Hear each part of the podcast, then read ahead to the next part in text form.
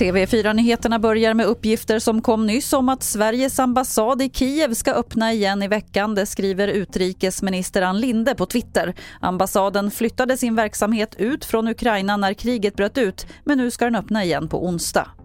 Allt mer talar för att Sverige och Finland kommer att ansöka om medlemskap i Nato samtidigt och Finland väntas säga ja redan i nästa vecka.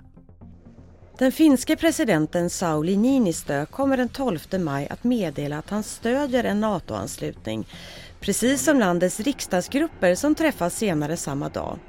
I Sverige står Socialdemokraterna fast vid att man lämnar sitt besked om NATO-frågan under partistyrelsemötet den 24 maj. Det säger partisekreterare Tobias Baudin i Sveriges Radios P1 Morgon samtidigt som han öppnar för att beskedet skulle kunna komma tidigare och tas med mycket kort varsel. Reporter här var Anna Grönberg. Och till sist kan vi berätta att den vita älg som i hela 14 år har setts i skogarna kring Munkedal är död. Lennart Hermansson har följt älgen sedan 2010 och han fick beskedet i helgen om att älgen inte lever längre.